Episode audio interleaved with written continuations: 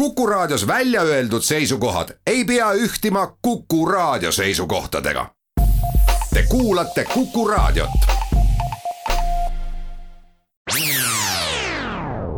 Restart. saadet toetab Katana, tootjate parim abiline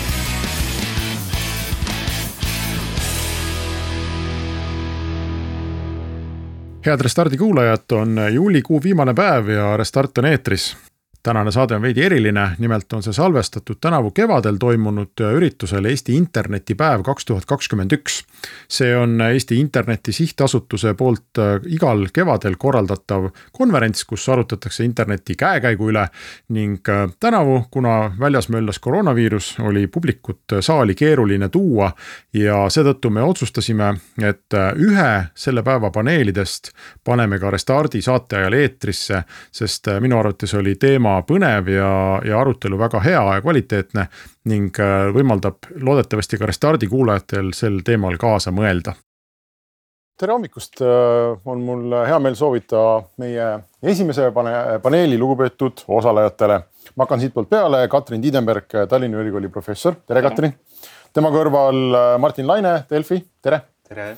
ja Karmen Turk, advokaadibüroo Trinity, tere! tere hommikust! ja siin minu väga vasakul käel suures ekraanis on veebikonstaabel Andero Sepp.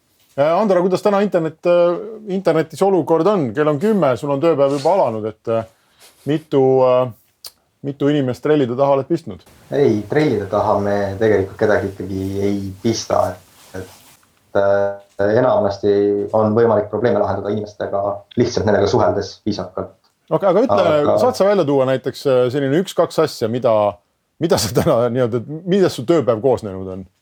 no tänane tööpäev on koosnenud alustuseks sellest, et äh, tuleb ennast kurssi viia sellega, mis öö, öö jooksul toimunud on. kui palju on tulnud kirju, kui palju on tulnud pöördumisi ja siis kuskilt otsast tuleks alustada neile vastamist. vaadata, kas nende hulgas midagi sellist, mis vajab kiiresti vastust, äh, sekkumist või kuskile edastamist või on kõik sellised pigem infopäringud, millele tuleb noh, võiks vastata siis äh, hiljemalt kolme tööpäeva jooksul, et noh, tegelikult me vastame küll oluliselt kiiremini. kas täna oli midagi sellist, mis oli kiireloomuline, pidid juba tegelema? ei, õnneks mitte. noh, hea rahulik päev järelikult. Martin, kuidas teil? ei, las võõra sõnad jah, Martin, kuidas teil Delfis on, kas olete pidanud juba midagi maha võtma internetist?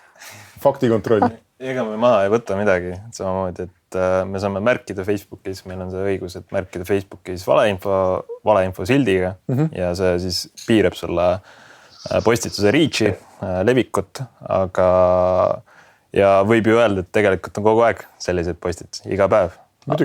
kogu aeg nagu kakskümmend neli seitse. et, et meid võiks olla vabalt ka sada inimest ja meil jaguks ikka tööd. palju teid on? üks sina oledki see üks, jah? mina alustasin selle tööga ja projektiga, aga meil on minu kolleeg Heliis on see, kes peamiselt tegeleb sellega, et mina tegelen rohkem selliste äh, pikemate analüüsidega ja, ja laiema plaaniga. aga see, see faktikontrolli töö Facebookis, see ongi siis selline, et sa võtad Facebooki lahti ja hakkad kuskilt niimoodi noh, hakkad lihtsalt lugema kuskilt ja et mul on näiteks varikonto mille ma olen. mis selle nimi on? Äh, ma ei tohi öelda äh, mille ma olen ümbritsenud siis sellise kõlakodadega, et uh, -huh. et seda on väga huvitav jälgida, et kui ma jälgin nagu vaktsiinivastaste gruppe, selliseid poliitilisi gruppe, Vene propagandagruppe, et milline minu infoväli on Facebookis.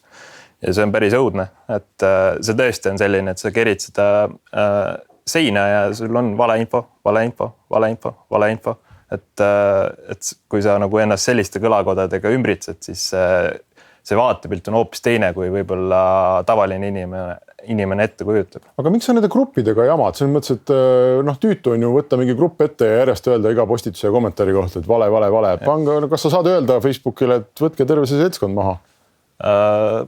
naljakas ongi, et äh, me justkui teeme Facebookiga koostööd, aga see koostöö on lihtsalt see, et, et et, äh, et meile on antud see tööriist, millega märkida. Aga see koostöö ei ole selline, et me nüüd ütleme, et näed, võtke siit see maha või palun juht, juhime tähelepanu sellele, et kui, kui oleks minu teha, siis tõesti oleks ilmselt. Äh, Facebook oleks puhas oleks nagu neid gruppe rohkem, mis oleks maha, sest on tõesti selliseid väga toksilisi selliseid äh, superlevitajate grupp ja väga suure jälgijaskonnaga. aga kus... sina, sinu käes ei ole nii-öelda seda hooba, et? ei ole, et ma lihtsalt kujutan ette, et üks areng oli, et see Telegrami vandenõuteoreetikute portaali Facebooki leht võeti maha mm -hmm. ja me olime sinna teinud faktikontrolle tõesti mingi kümmekond juba. et võib-olla see jooksis siis kuskil Facebooki kuskil kontoris sisse see info, et neil on seal nii palju märkeid ja võib-olla seetõttu võeti see Telegram maha, aga ma ei tea seda, et seda, seda meiega nagu läbi ei räägita.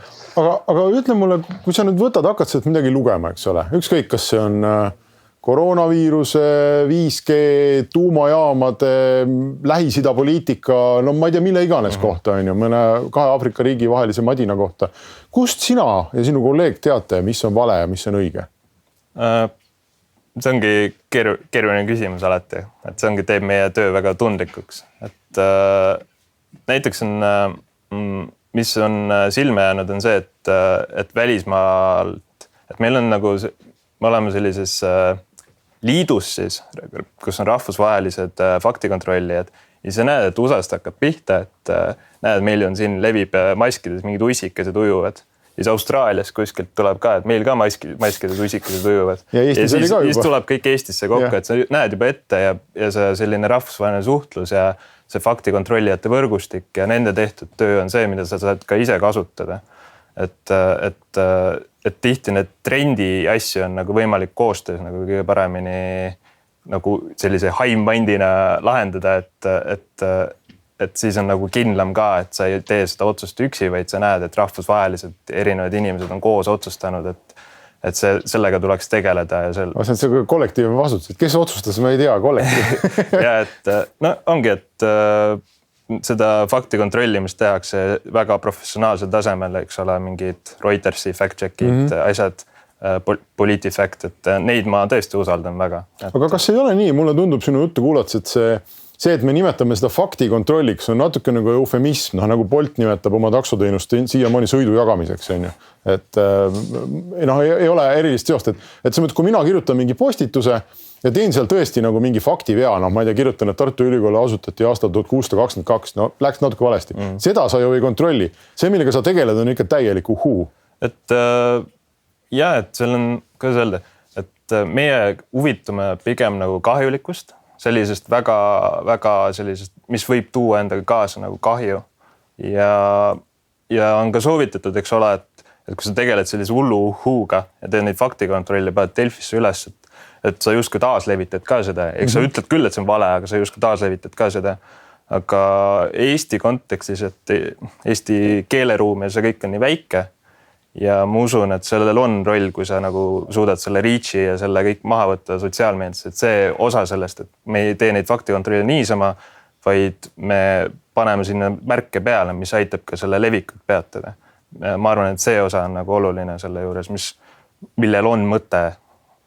No Katrin, kui ma mõtlen äh, potentsiaalselt nende ütleme inimeste peale, kes levitavad noh, sellist nagu Martin kirjeldas, noh kahjulikuna mõjuvat uhhuud on ju, noh keegi teeb nalja, vahet pole, ikka juhtub, aga on, on nagu võimalik välja tuua terve hulk gruppe, et, et noh, kes täielikku jama ajavad, eks, et seal võivad olla, ma ei tea, hullud, lihtsalt kliiniliselt hullud inimesed, vaimsete probleemidega inimesed. Mm,. noh, lihtsalt äh, sellised kuidas ma ütlen, üleannetud äh, võrukaelad, kellele pakub lõbu see, kui kuskil noh, torkad kepi sipelga pessa on ju. Äh, siis on kindlasti mingisugused kommertshuvidega tüübid, siis on kindlasti mingid poliitiliste huvidega tüübid on ju, siis on keegi, kes on äh, ma ei tea ki, nii kibestunud ja tal on nii halb olla, et tal on ükskõik, ta tahab, et teistel oleks ka halb ja valus on ju. ja nii edasi, nii edasi. kas need on kuidagi klassifitseeritud või et teadus on nagu lahterdanud ära inimesed, kes tegelevad uhuu levitamisega ja miks?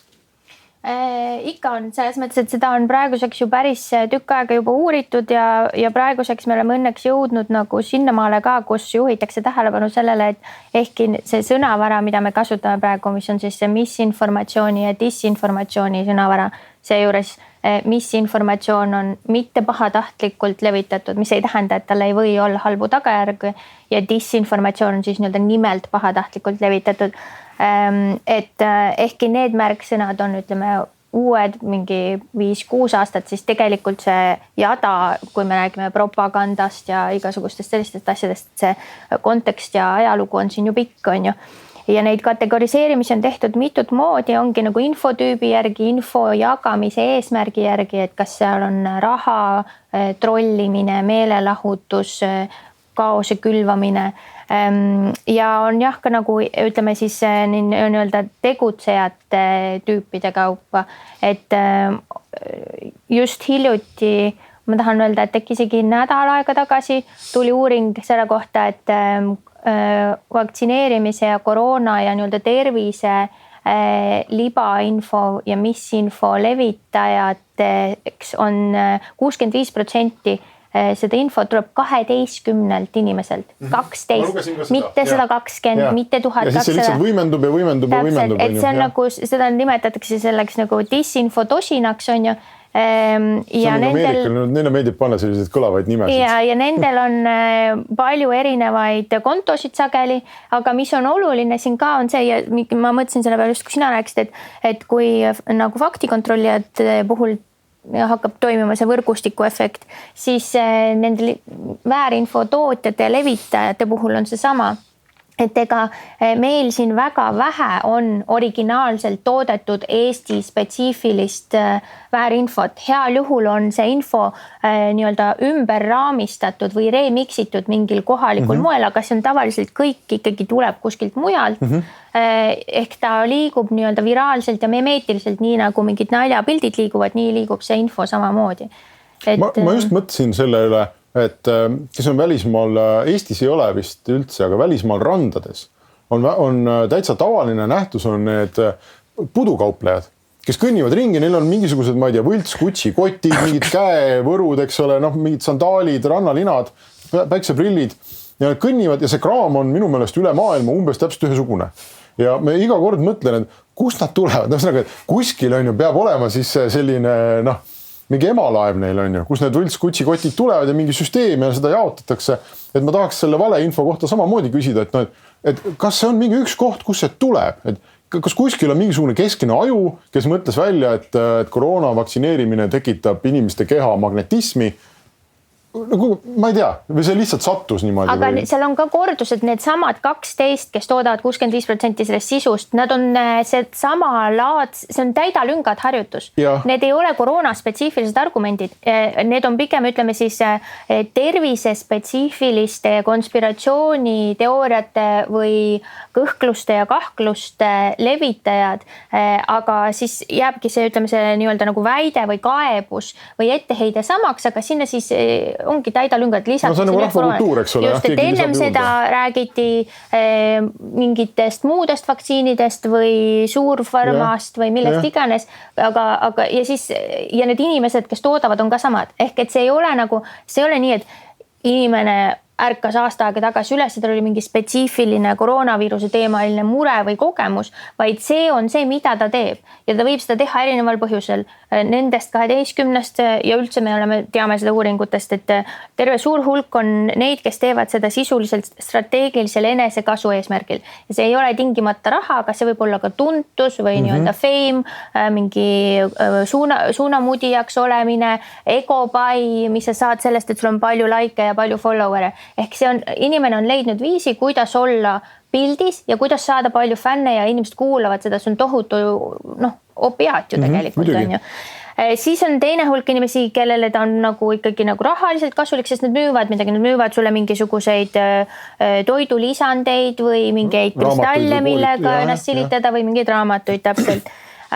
Ja siis on osad, kes on ikkagi nii-öelda nagu äh, noh, nagu ristirüütlid või nii, et nad on nagu veendunud, et on mingi konspiratsioon ja neil on sügav mure ja sügav ärevus selle pärast ja nad arvavad, et maailmas toimub midagi kurja ja nad üritavad teisi päästa. aga jah, et väga vähe ja minu meelest see on hästi oluline asi, mida inimestele seletada ja mulle tundub, võib-olla ma olen naiivne, et see võiks aidata kaasa nagu. et, et kui sa näed, et keegi tohutult kirestatult räägib näiteks praegu sellest koroonast või ükskõik millest muust, et siis juhtida tähelepanu sellele, et ta on täpselt sama kirestatult ennem rääkinud mingisugusest äh, sellest ja sellest mm -hmm. ja mhm. sellest ja see äkki tekitab siis inimesel tunde, et see on võib-olla it's you, it's not me või noh, et see on nagu tema, mitte nagu situatsioon või olukord või faktid või midagi sellist Restart. saadet toetab Katana, tootjate parim abiline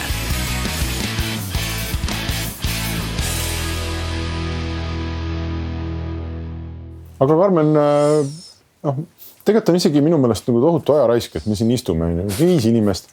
ja see pole esimene kord ja me pole ainsad viis, on ju, kes maailmas istuvad. tohutu arutelu, on ju. Delfis on kaks inimest tööl. Äh, kõik raiskavad aega, on ju, suur kulu ühiskonnale. ometi me ju teame, kuidas seda kinni panna. noh, selles mõttes, et leiame need inimesed üles, võtame mikrofoni käest ära äh, nagu USA-s selle Alex Jones'iga tehti, on ju, et kõik võrgustikud tulid kokku, ütlesid Alex aitab ja täiega ja ongi kõik, vana on peaaegu kadunud, et paneme kinni või miks me ei pane seda, kaua, kaua me teeme seda? noh, ega lõpuks ongi see, et, et äh, võtad selle esimese kaksteist, siis võtad teise kaksteist, võtad kolmanda, ega need kaksteist nagu uued kaksteist tulemata ei jää.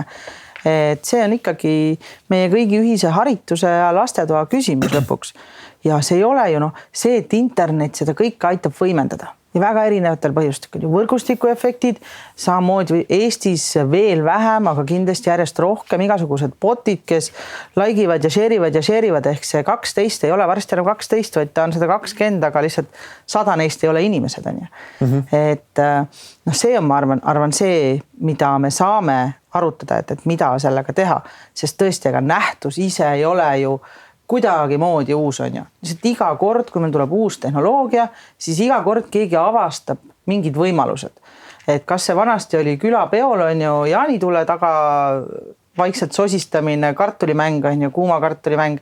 noh, siis tulid ajalehed on ju, mis kõik võimalused, et, et et näiteks see suure, suur kuu äh, pettus, mis kunagi oli New York Timesis on ju, kus kuus nädalat järjest räägiti. ja, aga need on ikkagi pigem noh, sellised äh, ütleme, kui me räägime sellest traditsioonilisest meediast, et need on noh, meil on võimalik muidugi välja tuua väga kõnekaid näiteid aga see ei olnud, ma ikkagi julgen väita, olles ise ka ajalehtedes töötanud, see ei olnud selline pidev igapäevane nagu noh, tervet ühiskonda mõjutav jura. no aga motivatsioonid on ju samad needsamad inimtüübid, kes seda teevad, mis tahes, kas nad teevad siis mingi isikliku kasu nimel.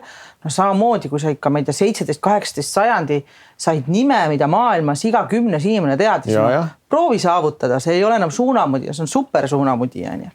et äh, motivatsioonid on ju kõik samad, raha, kasu, päriselt mure et äh, motivatsioonid on samad, need inimgrupid on samad, lihtsalt ma arvan, et tänasel päeval tulevikku vaadates see murekoht on ikkagi see, et me, me noh, juristina me ka ju kõik noh, juristid ikkagi tunnetavad, et kogu aeg nagu on seesama küsimus, et noh, aga keegi peab ju vastutama, no kuskilt peab saama mingi stepsli välja tõmmata, onju. ja mul on väga selline tunne, et nagu tõesti no, aitab no, äkki no, sellest jamast. No, tõmbame ja. selle stepsli välja, aga noh, siis ongi, et millal me selle stepsli välja tõmbame, onju. Nendel kaheteistkümnel, kuhu tulevad asemele uued, tõmbame välja internetil. noh, internet on lõpuks ju vahend onju, no ega me püstolitehast kinni ei pane, seepärast et iga teine püstol kellelegi viga teeb, onju.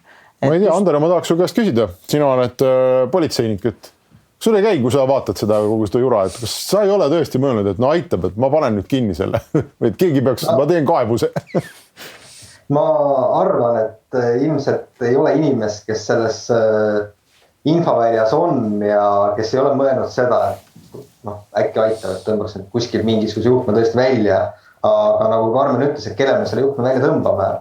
et me võtame siin meie need äh, superlevitajad, tõmbame nendele juhtme välja.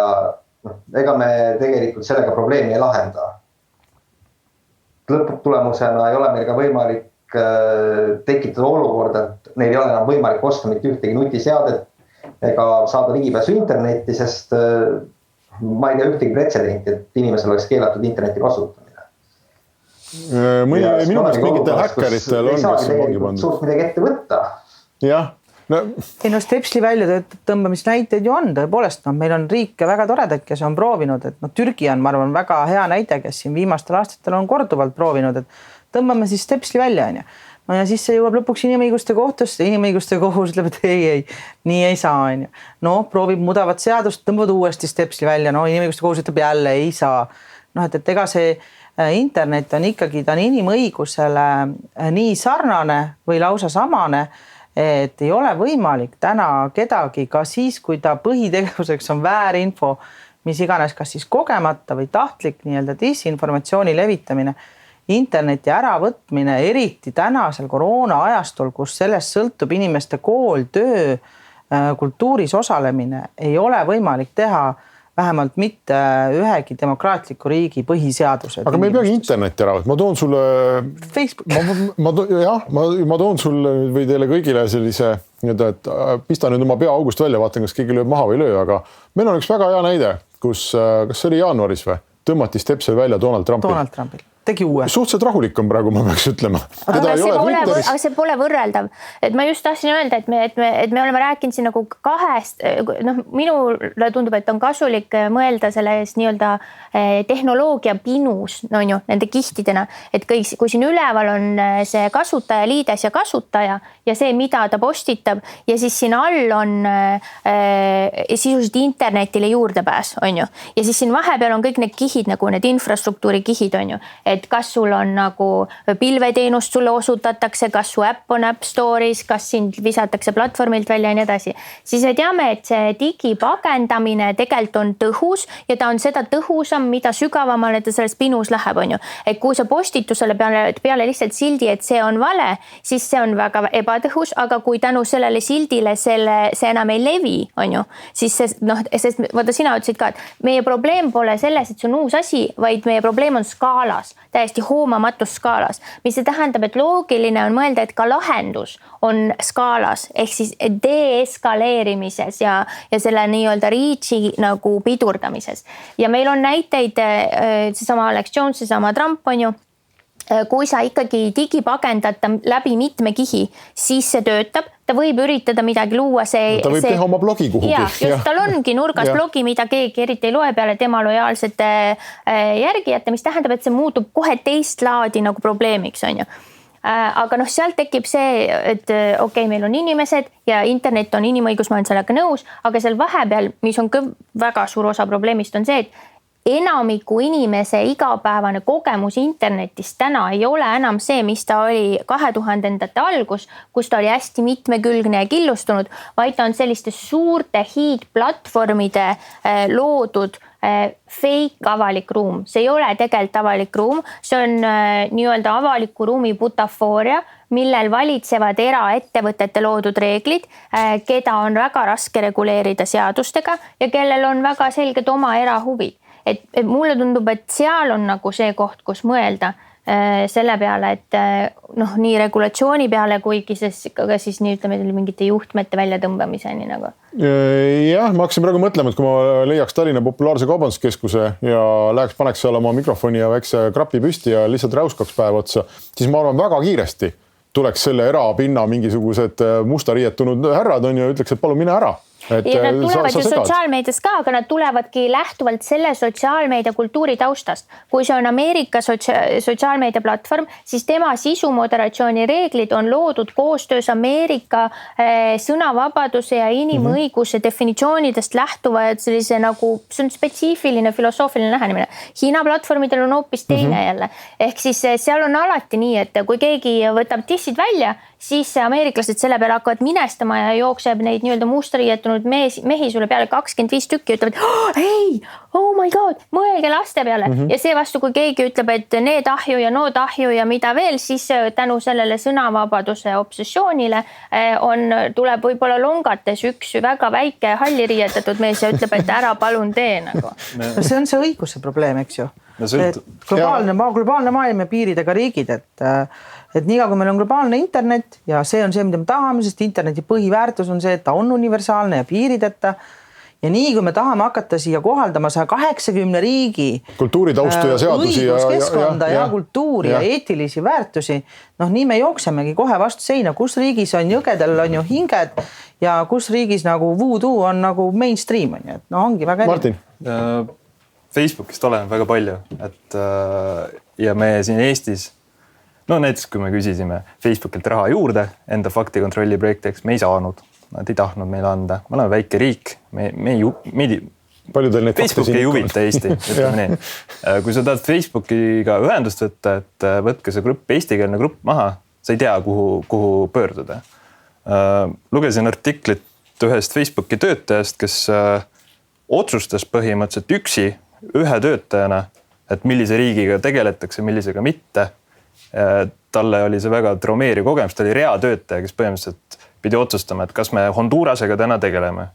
et ei tegele ja vaatas siis pealt, kuidas Hondurases äh, äh, bot'id levisid ja mingisugune diktaator võitis valimised tänu sotsiaalmeedias levinud valeinfole mm. -hmm. et neid riike, mida, millele Facebook pidi lihtsalt, millest pidi Facebook mööda vaatama lihtsalt seetõttu, et neil ei olnud ressurssi sellega tegeleda.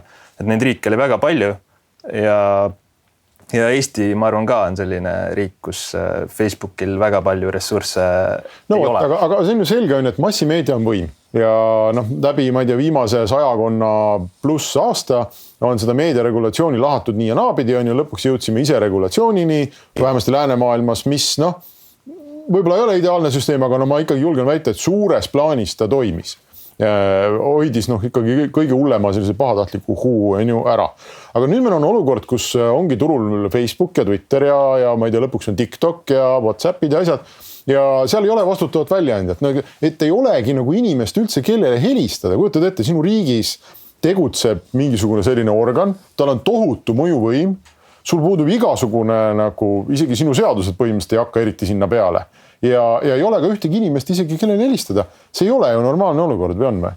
et kas me siis ütleme, et, et ei, me peame seda olukorda muutma või me ütleme, et ei, et see ongi uus normaalsus, harjume ära. ja aga me oleme ju öelnud, et me peame seda muutma selles mõttes, et Euroopa Komisjon tegeleb ju selle digiturgude ja digiteenuste paaris seaduse väljatöötamisega, mis te, noh, üritab sellega tegeleda, on ju, siis meil on need äh, maksustamise põhised ehk siis rahakoti pitsitamise põhised lahendused, mis on need igasugused linkimaksud ja uudistemaksud ja mis Austraalia on üritanud teha ja nii edasi, et kõik see on, ütleme nagu kogu aeg nagu üritatakse, see enamasti heal juhul jõuab selleni, et siis on nagu vahepeal seitse aastat kohtus on ju nagu selle Max Schremm mm -hmm. ja Google ja Facebook nagu üle privaatsus on ju. aga noh, midagi nagu seal ikkagi toimub, et ma, ma seda pole nagu õiglane öelda, et me oleks nagu lihtsalt otsustanud pikali heita, aga see on nagu selle ökosüsteemis on, seda tulebki nagu mõelda nagu, nagu selliste teineteisest sõltuvate osade süsteemina, et sa tõid ennem välja siis selle nii-öelda nagu traditsioon, traditsioonilise meedia, et, et kui olid nagu domineerisid toimetajaskondadega meediaväljaanded, siis oli see inforuum teistsugune ja ta absoluutselt oli, aga nüüd on seesama traditsionaalne meedia probleemi osa ja mitte lahenduse osa, sellepärast et nad on reklaamiraha näljas ja tähelepanu näljas ja silmapaaride näljas, mis tähendab, et selle asemel, et otsustada, et meie oleme sellest paremad või meie teeme teistmoodi, on nad nii-öelda pigem laskunud sellele toimetajateta kaose tasandile, mis toimub sotsiaalmeedias. ja, ja, ja, ja siis seal nüüd tekib selline asi, et mingisugune väärinfo käib edasi-tagasi, seda võimendatakse ka pärismeedias, mis tähendab, et seda legitimiseeritakse pärismeedia selleks, et saada seda klikki, pärismeedia on väga nõme väljend, kõik on pärismeedia, traditsiooniline meedia. Ähm, äh, on hakanud ja aina rohkem tegelema selle nii-öelda, mida nimetatakse mõlema, mõlema, et mõlemal poolel on õigus rääkida või see both sidism mm, -hmm. aga tegelikult mõlemad pooled ei ole üldse võrreldavad, et ühel pool on doktorikraadiga teadlane ja teisel pool on äh, Maiu, kellel on arvamus, on ju, et need, neid ei saa panna kahe võrdse häälena. Äh, sinna ja seda tehakse kogu aeg. et ma siin nagu ähm, jagaks ikka no, Martin, süüd laiemalt. Te olete osa probleemist äh, ajakirjanik ilmselt on üks suuremaid meediakriitikuid ka ise, et, äh, et ma saan aru, mille, mida siin nagu mõeldakse, et, et kas, kas on minu enda meediaettevõttes sellist informatsiooni, mille nägemisel ma haaran peast kinni ja, või ma ei tea, Twitteris kogu aeg ääditakse mind kuhugi, et näed, teie ettevõte kirjutas seda, teie ettevõte kirjutas toda mm. -hmm. jah, et äh, mingil määral kindlasti. vaata, see on veel üks tasand, aga on veel nagu teine huvitav tasand, meil on üks, üks äh, pealtvaataja küsimus tulnud ka selle kohta.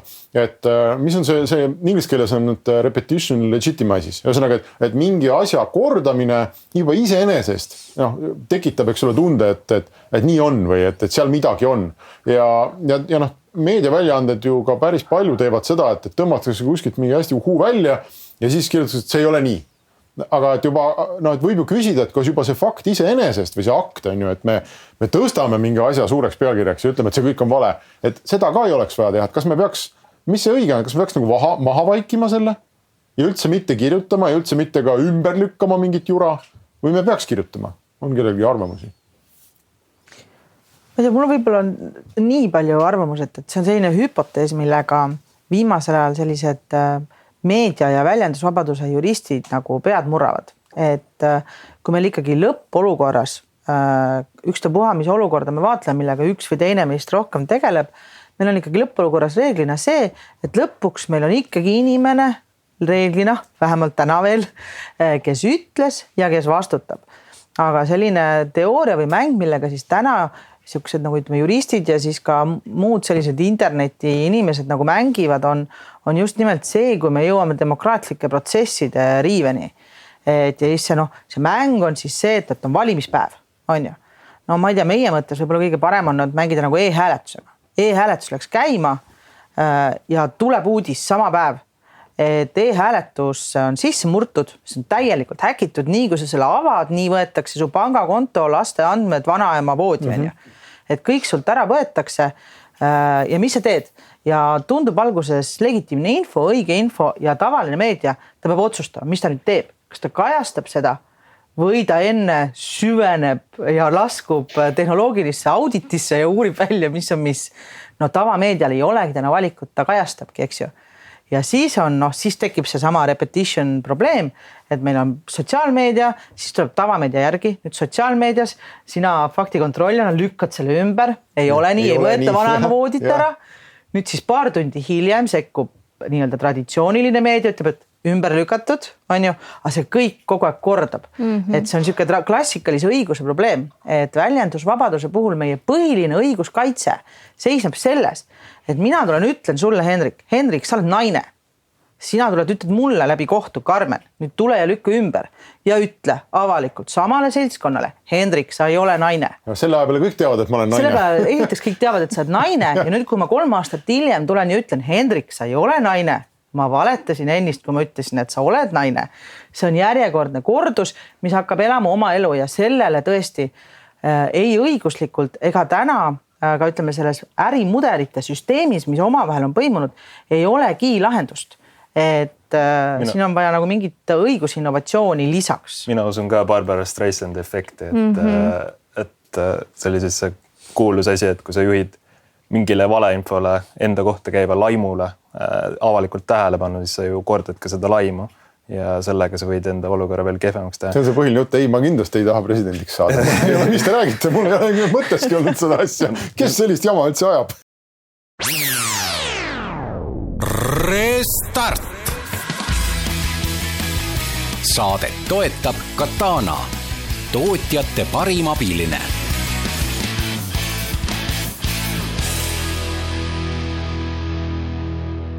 me räägime siin massimeediast või sotsiaalmeedia suurtest kanalitest.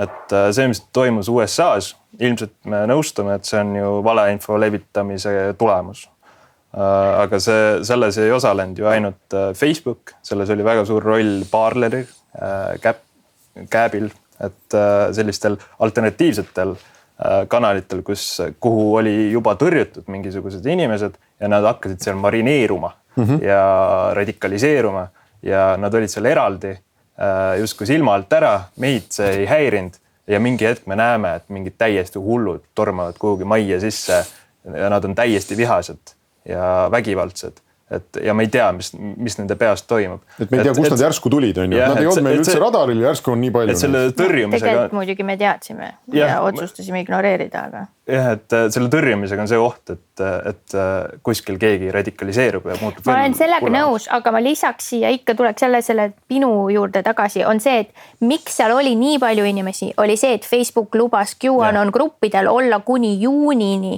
oma saidil ehk et see nii-öelda radikalis-, esimese radikaliseerimise koht on ikkagi see laia tarbe sotsiaalmeedia, kus need nii-öelda äh, kõhklevad, kahklevad, segaduses olevad, ähm, ärevuses olevad, oma riigi riigis pettunud äh,. aga esialgu veel mitte mingisuguse suunaga inimesed ja selle QAnoni puhul oli ju hästi suur osa sellele, et koduperenaised läbi selle pedofiilia narratiivi võluti ära ja, ja vot siis ongi see, et siis ta nagu hakkab väljendama ennast Facebookil, nii et võib-olla ta lõpuks visatakse välja või visatakse, talle öeldakse, et tule QAnonisse, meil on seal, me räägime seal päris asju, on ju. -hmm. ja me tule sinna parleeri või, või kääbi, on ju, et see ma olen nõus, et marineerumine toimub, aga see, kui palju inimesi marineerib, on olulise vahega nii-öelda päriselu vägivalla suhtes. ja see, kui palju sinna jõuab, sõltub jälle sellest vahekihist, mis on siis see nii-öelda nagu, nagu Facebook jah, ja Twitter ja nii edasi. mõni, äh, see oli vist paar aastat tagasi, kui äh, levis äh, paljude Eesti selliste Twitteris populaarsemate inimeste seas, käis selline laine kus neid hakkasid jälgima mingid vene nimedega inimesed, keda vist ei olnud olemas, ma arvan. Ja, ja siis levis selline teooria, et seda tehakse selleks, et kui peaks mingi jama tulema, on ju Venemaaga, siis kõik need äh, Vene bot'id põhimõtteliselt võtavad ja hakkavad raporteerima nende Eesti inimeste postitusi. Twitter, Twitteri loll masin näeb, et mingi jama on, on ju, ja tõmmatakse meil kommunikatsioonikanal kinni. seda on võimalik ju teistpidi pöörata, et kogu see organiseerunud uhuu-võrgustik võib hakata lendama mööda Facebooki ja, ja noh, nende vastaseid postitusi raporteerima. on seal mingi mehhanism, ei ole ju Euroopa Nõukogu on selle toonud välja ka täiesti nagu eksistentsiaalse riskina äh, igale riigile, kes on mingis hetkes äh, ohuolukorras. Et see ei ole isegi mitte nagu mingi teoreetiline võimalus. et need bot'id on ikkagi ju loodud kindlate ülesannetega.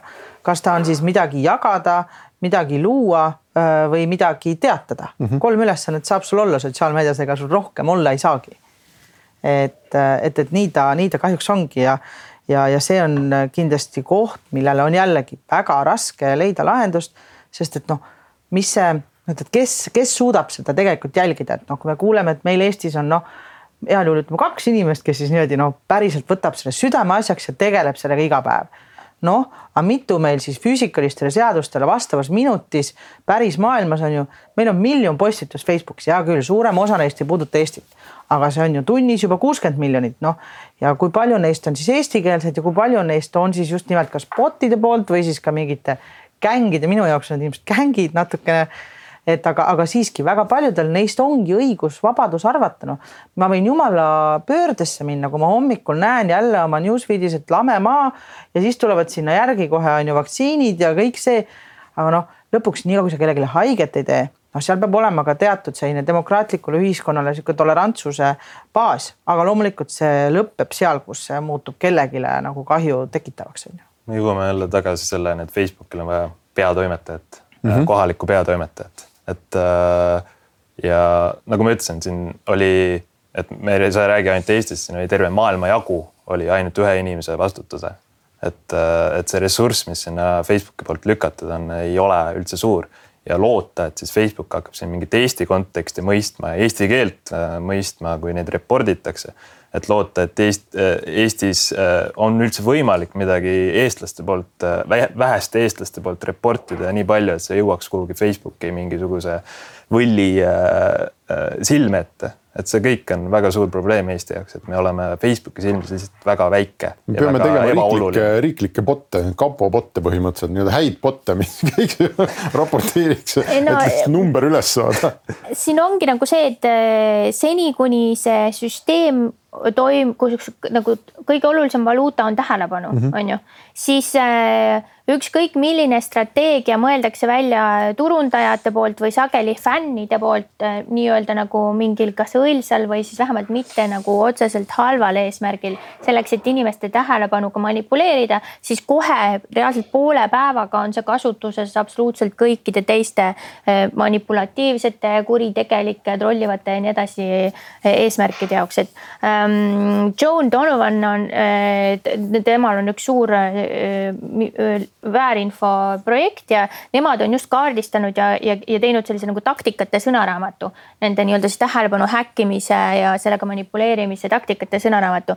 ja noh, kus on siis needsamad bot'id, aga siis ongi see swarm ehk siis see süle, sülemina pealetulek, siis on mingite hashtag'ide kaaperdamine, siis on see nii-öelda see otsimootori optimiseerimine, mis on nagu turundustaktika, et, et mis tuleb äh, esimestena, kui keegi otsib midagi.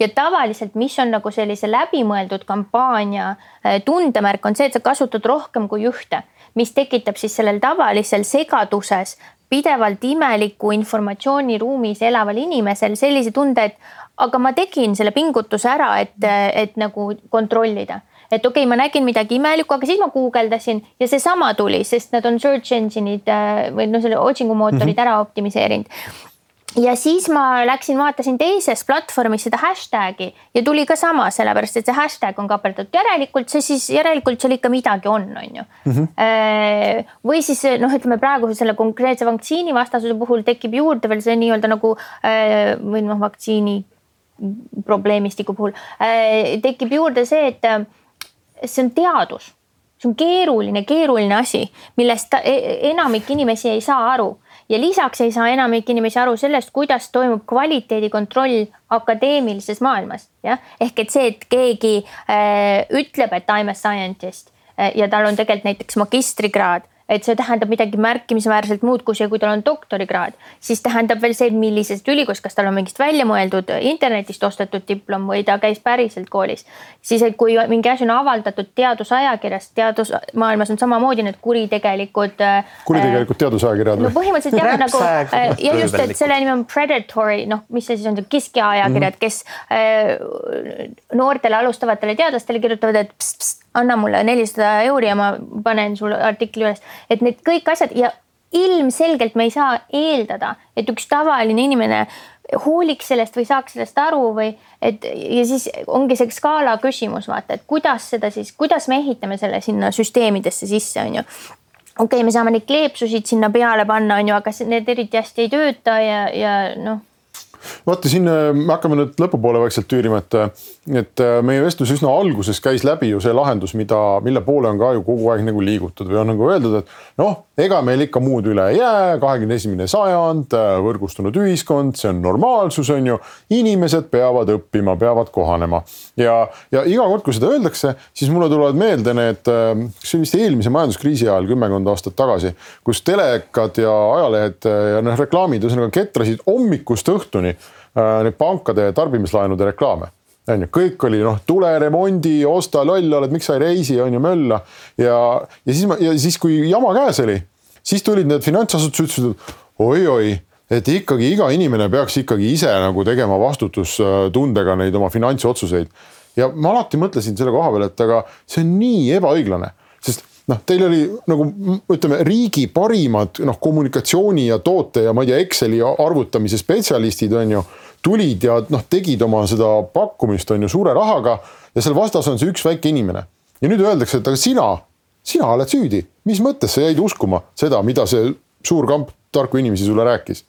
ja, ja, mulle nagu kuidagi kangastub see olukord uuesti, kui ma kuulan, et noh, kasvõi see, mida sina rääkisid, on ju, et isegi teadlane ei pruugi olla teadlane, kui sa ei viitsi süveneda, et mis ajakirjas tal need artiklid on, et mina ei, ma ei tahaks nagu kuidagi panna seda nagu inimese õlgadele ja öelda, et sa oled loll, et sa jäid seda uskuma või, see ei tundu mulle õige mina, mina olen ka väga, mul on väga reljeefsed seisukohad isikliku vastutuse diskursuse osas, ka selles osas, mida teevad platvormid, kui nad ütlevad, et Eh, noh, sisu modereerimise ja kõikide asjade puhul.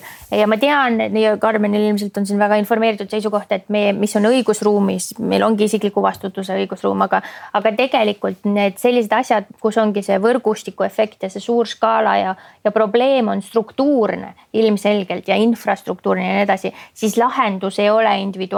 Nii nagu lahendus kliima tõttu ei saa olla ainult selles, et mina, ma ei tea, söön vähem liha või mida iganes, eh, siis ei ole nagu selle infokorratuse lahendus see, et mina olen targem ja tublim ja, ja kontrollin, mida ma postitan või vähemalt mitte ainus osa sellest. lahendus tuleb kindlasti leida, sest ma arvan, et tegu on demokraatiale eksistentsiaalse probleemiga, et me oleme siin näinud riike, kus on demokraatia viidud väga-väga viimse piirini seetõttu. et ma arvan, et selle probleemiga tuleb väga-väga oluliselt nagu tegeleda. Ja mis see lahendus on, me siin arutame tund aega ja, ja noh, neid, ma arvan, et kõik, kõik on õige, et äh, sotsiaalmeediale tugevamad äh, päitsed pähe panna ja, ja infrastruktuurilised lahendused, koolihariduses rääkida meediapädevusest, et need äh, igal tasandil tuleks selle probleemiga tegeleda nii individuaalsel kui ka laiemalt no rääkimata selleni, et eh, lõpuks me jõuame selleni, et kes on haavatavad, on need, kes on oma riigis pettunud, eh, sageli, kellel on majanduslikud raskused, kellel on ärevus ja depressioon, jällegi suured struktuursed asjad vaimse tervisealase hoole kättesaadavus, ebavõrdsus, eh, see, kuidas riik kohtleb oma inimesi, see, kuidas eh, institutsioonid eh, noh, nagu ma ei tea, näiteks mingi Terviseamet ja nii edasi, kuidas nad kommunikeerivad asju. kas nad kommunikeerivad kaheksakümne kuuenda aasta retoorikas, kus öeldakse, et sa oled loll, kui sa seda ei usu ja jutul lõpp või sul lubatakse mingeid küsimusi küsida Karmen, mis siis on, mis siis on lahendus? No, eks ta on õige täpselt see, mis on, mis on ka öeldud, et ega isiklik vastutus meil kuskile kaduda ei saa, aga tõepoolest sinna juurde tuleb leida äh, selliseid äh, viise, kuidas seda kõike nagu natukene kogu aeg nagu lükata sinnapoole, et see oleks demokraatlikus ühiskonnas meil aktsepteeritav, aga me peame hoidma kogu aeg silma peal et mina, minul on jällegi jah, tõesti võib-olla hästi reljeefne seisukoht just nimelt selles, et see ütleme viimase viieteist aastat, ma arvan, viimased kolm-neli aastat me oleme paremini mõelnud äh, just nimelt sellele, et selline asümmeetrilisus võimus, võimalustes ja sellises struktuurses probleemis, me oleme hakanud rakendama õiguse mõttes konkurentsiõigust. väga õige lähenemine vaatamegi, kus on see turuvõim ja tegeleme sellega. aga ma arvan, et kus on nagu see oht, mida me ütleme enne seda kümneid ja kümneid aastaid kogu aeg rakendasime, oli see, et anname kõik õiguse otsustada, teha, käskida, puua, lasta äh, nendele mõnele üksikule globaalsele ettevõttele, ma arvan, et see on samavõrra eksistentsiaalne oht kui see, et meil on internet prügitäis on see, kui me anname kogu otsustuse ära, me delegeerime sisuliselt riigivõimu, täidesaatva seadusandliku kohtuvõimu mingile paarile ettevõttele ilma igasuguse järelevalveta, nii et ma arvan, et siin nagu tuleb leida seda tasakaalu, et me ei delegeeriks liiga palju. Samas me peame loomulikult aktsepteerida, aktsepteerima, et meie oma kohtuvõim tõepoolest sellega läbi isikliku vastutuse instituudi hakkama ei saa, et, et eks see vahe tuleb kuskilt sealt leida. et noh, ja niikaua ma ikkagi ütlen, et ma arvan, et meie iga järgnev põlvkond äh, tuleb järjest rohkem, nagu mina käisin oma esimesed äh, klassid, käisin Descartesi lütseumis Tartus, äh, kus on siis suurelt meil kooli peal kirjas on ju Descartesi põhiväide on ju, et niikaua kui kahtled, niikaua elad. et noh, et sellest lähtudes ma arvan, et meie noorem ühiskond, kui te vaatate, kuidas Tiktokis inimesed, mingi video tuleb üles, häkk, seal tuleb kohe kolmkümmend tükki järgi, kas see häkk töötab, kas see on tõsi või ei ole.